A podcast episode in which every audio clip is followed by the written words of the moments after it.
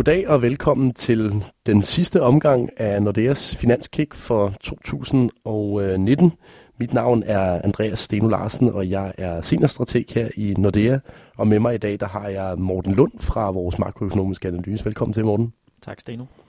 Det er jo, øh, kan man sige, den barnløse trup, der er samlet her. Øh, jeg husker det også som om, at vi lavede øh, podcasten mellem jul og nytår sidste år, så det bliver jo spændende at se, om vi også kommer til at gøre det i år 2020.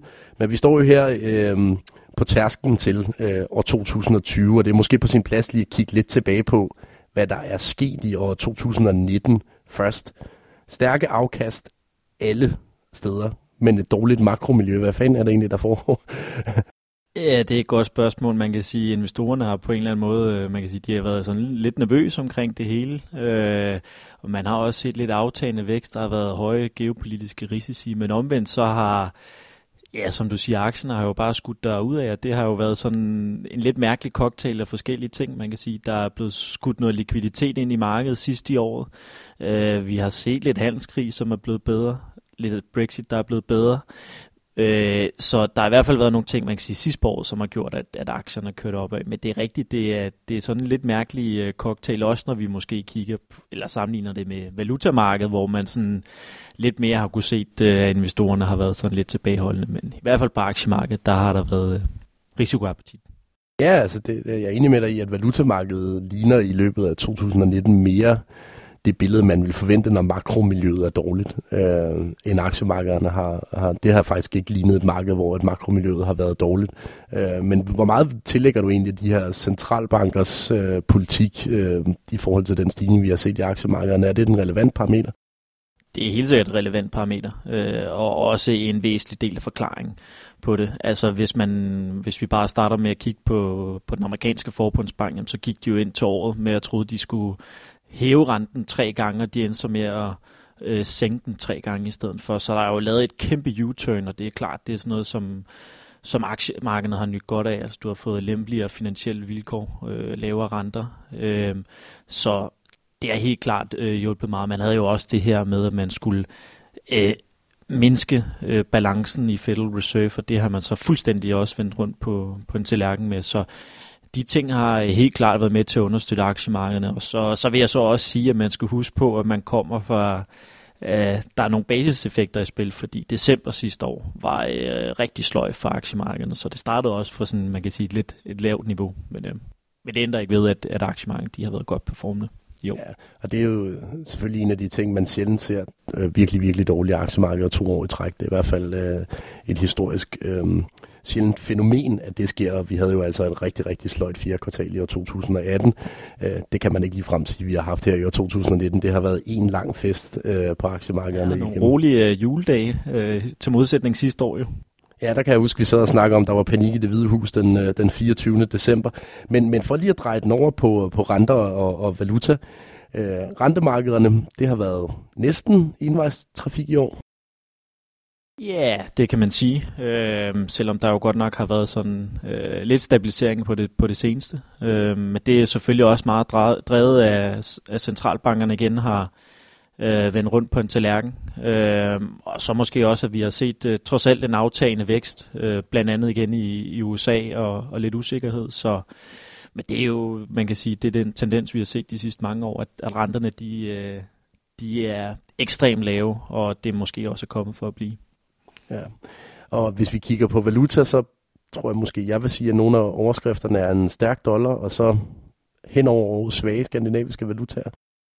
Ja, yeah, det passer vel meget godt, og det med den stærke dollar kan man jo sige, at der er jo flere faktorer, men igen den her geopolitiske usikkerhed rundt omkring, også vi har haft et svagt, øh, en svag eurozone, øh, og USA, selvom der har været aftagende vækst, har de jo stadigvæk sådan outperformet i forhold til G10, sådan groft ja. set, så så, øh, så det her øh, sådan i grove træk betyder en, en stærk dollar, selvom vi jo har set Federal Reserve cut tre gange.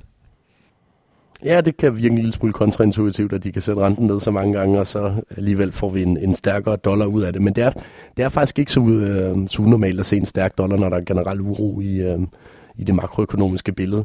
Det pussy er bare at se en stærk dollar, samtidig med, at vi ser et stærkt aktiemarked. Det sker faktisk ikke øh, så tit igen. Øh, lad os prøve at kigge lidt på år 2020, for det, det er jo i virkeligheden det interessante nu. Øh, det er jo nemt at give et resumé af året, der er gået, men den svære del, det er jo så at kigge ind i det år, der kommer. Øh, jeg har prøvet sådan at, at, at lave nogle enten eller scenarier, han har sagt her. Altså, øh, prøv at udfordre dig på et øh, par scenarier, øh, på hvad der er mest sandsynligt. Så øh, hvad er mest sandsynligt, Morten, i 2020? At vi får en amerikansk recession eller et kæmpe økonomisk boom? Der må jeg jo sige, at øh, jeg tror, der er større sandsynlighed for, at vi får en recession. Øh, det er min øh, egen holdning, og øh, hvis vi kigger på sådan de bedste indikatorer, vi har på sådan noget med, hvor stor er sandsynligheden for en recession, så er det jo stadigvæk øh, specielt rentekurven, som er, øh, er det bedste signal. Og hvis man kigger på det, hvor den ligger nu, selvom vi har set en, det vil vi kalde en stejlere kurve her på det seneste, jamen så ligger de sandsynlighedsprocenter stadigvæk i omegnen af 20-25 procent for en øh, recession, og det er, det er ganske højt stadigvæk. Øh, og vi tror også på, at når vi kigger på nogle af vores ledende indikatorer, så peger de altså stadigvæk nedad end opad. Så øh, samlet set, så øh, også givet det hele den her politiske usikkerhed, som stadigvæk er, jamen så, mm. øh, så synes jeg, at, at sandsynligheden for, at vi får en recession, den er, den er større end et, øh, et End et kæmpe boom. Ja. Men hvad er sådan din base case? Mit, mit base case er stadigvæk, at, at øh, det bliver sådan... Øh, jeg vil sige, øh, sted midt imellem, men stadig med pil nedad. Så vi kommer til at se en, en aftagende vækst, specielt i, i de første par kvartaler. Øhm, og øh, når vi så kommer ind i anden halvår, så tror jeg, at vi kommer til at se, at, at tingene begynder at stabilisere sig og pege lidt op, fordi vi jo trods alt har, har set øh, centralbankerne vende rundt, øh, komme med lempeligere øh, pengepolitik, og det har jo, kommer jo med store lags, de her øh, indsprøjtninger til økonomien, så øh, jeg tror på et eller andet tidspunkt, vi rammer en, øh, et øh, bund, kan man sige, og vi derfor også undgår øh, recession. Men jeg synes stadigvæk, at risikoen den er, den er øh, ikke negligerbar. Ja, så man kan sige, at i virkeligheden det, vi skal sætte vores lid til, det er, at når øh, renterne de er faldet øh, i, i så høj grad, som de er i løbet af i år, så går der 12-18 måneder, og så begynder økonomien at vise bedre tegn i løbet af anden halvår næste år. Ja, det er grov træk det. Næste øh, scenarie her. Hvad er mest sandsynligt, at vi får et no-deal Brexit i løbet af 2020, eller at Donald Trump taber præsidentvalget? Uh, den er jo øh, svær. Det er jo faktisk de to ting, som, øh, som jeg sidder og kigger lidt på. Øh, men øh, jeg tror, at det... øh, et no-deal Brexit er øh, mere sandsynligt, end at, øh, end at Trump han øh, taber præsidentvalget. Øh, når okay, ja, den havde jeg ikke regnet med, at du svarede sådan. nej, men jeg, jeg synes, at, at når man kigger på det, øh, på, øh, på Brexit, så, så synes jeg, at, at sandsynligheden er ganske høj, og når vi kiggede tilbage i oktober, så var øh, vi to vi var rimelig enige om, at øh, no deal, det, den sandsynlighed, der var priset ind der, det var alt for højt, men jeg synes virkelig, at, at der er en, øh, en mærkbar risiko i år. Øh, nu har øh, Boris jo det her absolut flertal, så han kan, han kan meget klare selv styre agendaen, øhm, og han har jo også lagt ind, at man ikke skal forlænge transitionsperioden. Øhm, og historikken viser jo, at man ikke kan få en aftale igennem på 11 måneder. Så jeg synes, jeg synes faktisk, der er en rigtig høj risiko for, øh, for et no deal. Ja, det, man siger, det for lige at få, øhm, få alle med på, hvad vi taler om her, så er det jo, at der efter al sandsynlighed udtræder Storbritannien, eller får i hvert fald lavet en exit-deal her per 1. februar næste år. Men så starter de hårde forhandlinger om det fremtidige handelsforhold, og det er i virkeligheden det, der kan blive en helt stor hemsko i den her forhandlingsproces. Ja, lige præcis. Og altså, hvis man bare igen, nu nævnte jeg det her historiske, altså det tog uh, EU og Kanada syv år at lave deres uh, frihandelsaftaler. Det har, det har man så 11 måneder til. Så det, det er, jeg tror, der er en, en, en, en rimelig stor sandsynlighed for, at de ikke nåede mål med det. Men indirekte, så siger du også, at Donald Trump han bliver præsident i fire år mere. Ja, det tror jeg også, han gør. Altså, jeg, jeg, har, øh, jeg tror, jeg har sagt det et eller andet andet sted på vores platform, at øh, så længe aktiemarkedet ligger, hvor det gør nu, så er der absolut ingen risiko for, at Donald Trump ikke vinder valget. Nej. Så, så, så det kræver simpelthen, at øh, der sker noget negativt på markederne, hvis Donald Trump han ikke skal genvælge. Så skulle det være den recession, som vi ja. lige øh, snakkede om før. Så hvad med hele den her såkaldte rigsretssag, det ved jeg godt, man ikke kan kalde det på dansk mod Trump. Er det noget, vi skal koncentrere os om? Øh, jeg vil sige, vi skal i hvert fald holde et, et vågent øje med det. Altså, det er ikke noget, man, man fuldstændig kan ignorere, men øh, han, han bliver ikke dømt. Altså, nu er han blevet impeached, som det hedder, øh, men han bliver ikke dømt. Det kræver to tredjedele flertal i senatet, og det, øh, kommer republikanerne ikke til at støtte. Så det kommer til at fylde noget i billedet, det kommer til at være noget støj omkring dem. Jeg tror ikke, det kommer til at få afgørende betydning. Nej, fordi det er jo det, altså i forhold til en dansk rigsretssag, hvor der rent faktisk er dommer, der dømmer, om der er foregået noget ulovligt eller ej, så er det jo en politisk proces i USA. Det er de 100 senatorer, der er, er dommer i den her såkaldte rigsretssag. Øh, og derfor så er det jo øh, i bund og grund et politisk spørgsmål, om man ønsker, at Donald Trump skal smides ud af det hvide hus eller ej. Og lige nu er han simpelthen for populær til, det giver nogen mening, sådan som jeg ser det. Ja, jeg er fuldstændig enig, så det tror jeg heller ikke på. Og så kan man sige, i forhold til det her spørgsmål, så skal man jo også kigge på, hvem er hans øh, potentielle modkandidater. Øh, Elizabeth Warren, øh, Bernie Sanders, Joe Biden. Det er ikke måske nogle kandidater, som, som jeg personligt mener øh, kommer til at stå specielt stærkt. Godt, lad os prøve at tage det næste scenarie her. Øh, vi talte lidt om det her med, at vi både har haft en svag norsk og en svag svensk krone i 2019.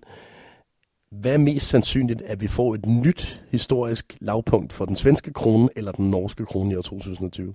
Ja, det er jo egentlig lidt dit bord, Steno, men uh, nu skal jeg prøve at svare alligevel. Uh, jeg tror, at uh, der er størst sandsynlighed, risiko for, at den svenske krone rammer et, uh, et nyt lavpunkt. Det tror jeg også, jeg vil sige. Ja. Og det, jeg kan jo prøve at sige, hvad jeg synes, så kan du sige, om mm. du er enig, men uh, jeg tror, der er en, at, at svensk økonomi kommer til at halte igen i, i 2020, og øh, nu har Riksbanken jo lige øh, hævet renten på trods af, at alle makroøkonomiske indikatorer mere eller mindre har talt imod. Så øh, spørgsmålet er, om de måske kunne finde på at gøre et eller andet for at svække den svenske krone igen. Øhm, så det vil jeg helt klart øh, hænge min hat på. Ja, det er jo, øh, man må sige, det er en ekstremt interessant ud, øh, udvikling, der er sket i, i Sverige på den pengepolitiske front, fordi de er jo gået fra negative renter tilbage til 0% på et tidspunkt, hvor at Sveriges økonomi mere eller mindre er på randen af en recession, så vidt jeg kan se fra, fra indikatorerne. Uh, det, er en, det er en lille smule interessant, hvad det er, der egentlig er sket. Altså, det er ligesom, om de har fået en form for åbenbaring i den svenske riksbank på det her spørgsmål om negative renter. Er det noget, du tror bliver et tema andre steder i år 2020? Ja, det bliver i hvert fald et tema i ECB, det tror jeg. Øh, nu er vi begyndt også at se, nu, nu kommer der lige så stille og roligt nogle sådan øh, analyser på, om hvad sideeffekterne er ved at have negative renter. Og det tror jeg helt klart, man, øh, man vil diskutere ned i Frankfurt. Vi ved jo, at der er nogen, der er stærk modstandere af at have de her negative øh, renter. Så jeg tror, der er mange centralbanker, der vil kigge mod øh, Sverige og lige se, øh, hvad er effekterne egentlig, fordi at, øh, det er jo et lille pengepolitisk eksperiment, vi ikke har set før. Men spørgsmålet er så, om de andre centralbanker, de alligevel lader der gå øh, sådan 9-12 måneder, hvor man ligesom overvåger, hvad der sker med den svenske case, før man selv tager stilling til spørgsmålet. Det er, jo, det er jo det helt store spørgsmål i forhold til, hvad der sker med centralbankerne i næste år. Ikke? Jo, jo, helt sikkert. Altså, øh, og, og vi ved det måske heller ikke engang om 9-12 måneder. Nej. Altså, det kan jo være, at vi først er rigtig kloge om, om det her øh, to-tre år ud i tid. Så øh, jeg tror ikke, at øh, bare fordi at Riksbanken nu øh, hæver renten, at så øh, sidder ECB klar til at, at gøre det lige nogle få måneder efter.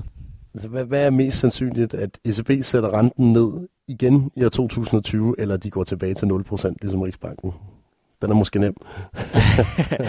ja, ej, der, der tror jeg, der er større sandsynlighed for, at de sætter renten ned. Der er alligevel, øh, igen, jeg tror, der, der, der er jo langt op til, øh, til 0 kan man sige, for ECB.